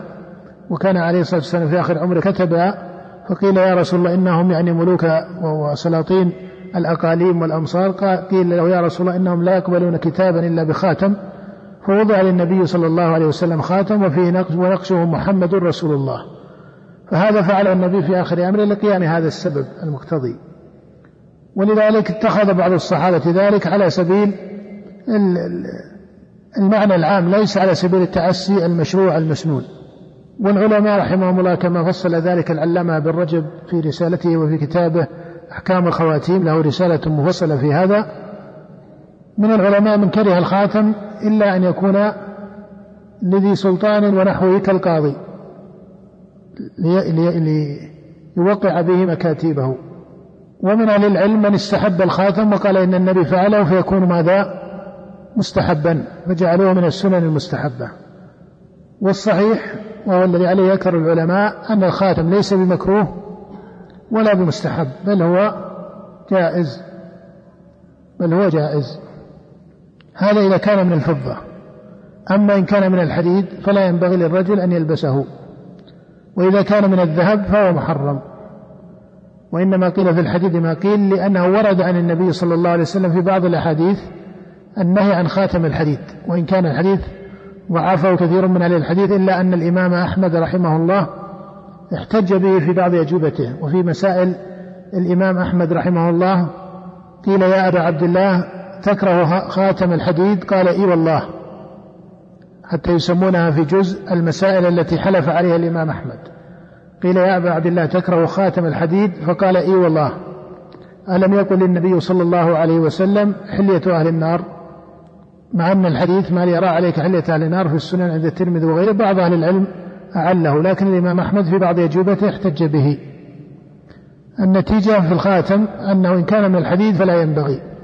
وإن كان من الذهب فهو محرم وإن كان من الفضة فهو جائز ولكن ليس من السنن ليس من السنن هو من جنس الشعر فيه شيء له سبب وفيه شيء من العوائد كشعر النبي صلى الله عليه وسلم وتطويله للشعر فإنما أراد الشارع من الشعر الاقتداء به بينه ولهذا لما أراد أن نقتدي به في اللحية وأراد أن نقتدي به في قص الشارب سمى ذلك أليس كذلك؟ وقال خمس من الفطرة وقال وفروا اللحى وقصوا الشوارب لكن شعر الرأس ما أمرنا بذلك. فدل على أن فعله صلى الله عليه وسلم في شعر رأسه أن ذلك من العوائد كلبس العمامة فليست من السنن بل هي من العوائد ولبس الإزار والرداء فهذا من العوائد. هذه كلها عوائد ليست سنن. ليست سننا. وإنما في هذه العوائد الأولى أن الإنسان يكون على عرف البلد الذي هو فيه. دائما في العوائد العادة كما يقول الفقهاء محكمة. لا ينبغي الإنسان أن ينشق وأن يشذ عن عرف بلده. ما دام أن هذا العرف عرف صحيح ليس عرفا فاسدا. لكن إذا كان العرف فاسد كبعض الأحوال التي تكون فيها النساء يلبسن السافر من الثياب هذا ما ما يسوغ بكونه عرف عند بعض البلاد. إنما المقصود هنا العرف الصحيح العرف الذي ليس بفاسد. فهذا ينبغي الإنسان أن يكون على عرف بلده. ما دام أنه عرف لا يخالف الشريعة. نعم. وحلية السيف والمنطقة ونحوها. فأما المعد. ويباح للرجال من الفضة الخاتم. وحلية السيف والمنطقة ونحوها. فأما المعد للكراء أو الادخار والمحرم ففيه الزكاة. نعم. نقف على هذا. على قول المصنف باب أحكام الدين. وبالله التوفيق صلى الله وسلم على عبده ورسوله نبينا محمد وآله وصحبه أجمعين. نعم نستأذن الأخوة عن الأسئلة لعلها تجمع اليوم. عندي درس في جدة فإن شاء الله نوقف عليها في المجلس الغد. غدا إن شاء الله نبدأ الدرس الساعة الخامسة كما هو الترتيب. نسأل الله تعالى أن يجزي الشيخ خير الجزاء وأن يجعل ما قدم في موازين حسناته. مع تحيات إخوانكم في مؤسسة الإمام البخاري الإسلامية بمكة. هاتف رقم خمسة أربعة ثلاثة أربعة اثنين ستة سبعة. والسلام عليكم ورحمة الله وبركاته.